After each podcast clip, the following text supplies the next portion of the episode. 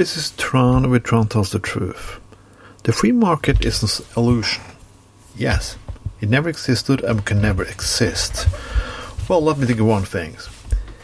Uh, the first one is very easy. If you have no rules and regulations, what do you do when you have monopolies? Well, somebody said like, we don't want state to have monopoly on healthcare. We don't want the state to monopoly on this. We don't want the state to monopoly on that. But that can be difficult. We have a total free market too. In Norway, we used to have a lot of private securities companies. Now we have two. Yes, two. Well, there are a lot of small ones, but they cannot get the same contracts. And this is why. When you had an offer in here in Bergen, one of the companies took the price so low they didn't even earn money. No, they didn't earn money on the object they were going to protect. And he could do that just dumping the prices so low to get other people to get bankrupt in the market. So for but they have so much money they don't need to think about it. So they sit here again with all the monopoly.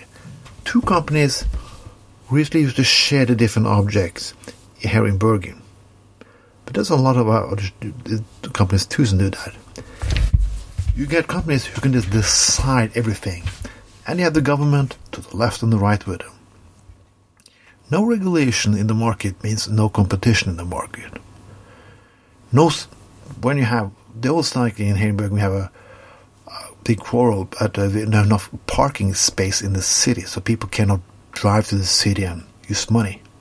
The problem is small businesses cannot afford being in the city. That's because the prices are too high because big landowners have monopoly of the property. So again, they blame the government just to give them more things so they can even more money to keep the monopoly. That's what's going on and on and on again. In some in, in the 80s and 90s, there were a lot of horrible like, sci-fi movies about a world being run by private companies. But we are there now. The society is not run by countries anymore, not by politicians with a vision, not to the left and not to the right. You saw that a few days ago when they have a relief package in the United States, and even Democrats voted against minimum wage. Yes, minimum wage.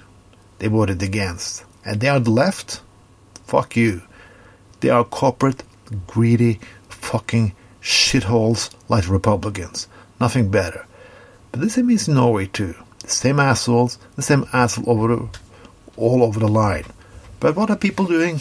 Do they attack those assholes? Do they attack Wall Street? Do they attack the rich? No. They attack the fucking democratic buildings. They're blaming foreigners. They're doing a lot of racist shit. Not only is when people say the country is moral bankrupt, it is, but not in the way the Conservative Party believe it, is.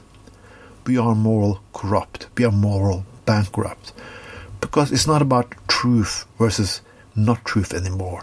It's about we just want what we're thinking and hoping to be the truth. That is the fucking problem. We're going to rule with bigger and bigger companies, but hungry people just want to eat more and more and more. They cannot be taught reason, and they're never going to learn until somebody set the rules and regulations to them. It was Tron with Tron Tells the Truth. Have a fucking nice evening.